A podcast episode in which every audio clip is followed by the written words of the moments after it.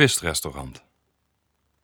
Mijn geliefde en ik aten vorige week met mijn uitgever en zijn vrouw, mijn kunstagenten, bij visrestaurant Lucius in Amsterdam.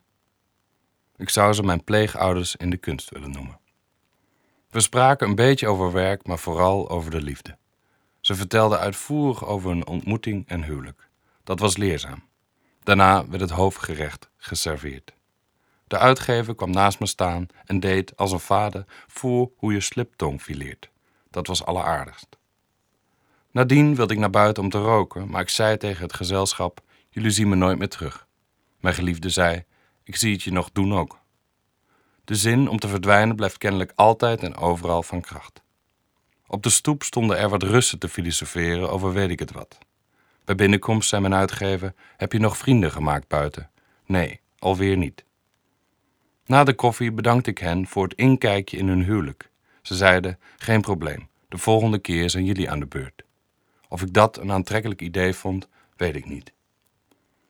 Op de fiets zei mijn geliefde: Het zijn slimme mensen. Ze leken overal al over nagedacht te hebben. Maar dat deed me ook wel erg jong voelen. Meestal voel ik me oud. Ik knikte instemmend, want wat wisten wij over de liefde? Precies een week later zat mijn uitgever met schrijver Arnold Grunberg in hetzelfde restaurant te eten. Onder een foto van het etentje op Twitter stond een gesprek beschreven. Uitgever, hoe is het met de liefde? Grunberg, ik ga zo naar huis.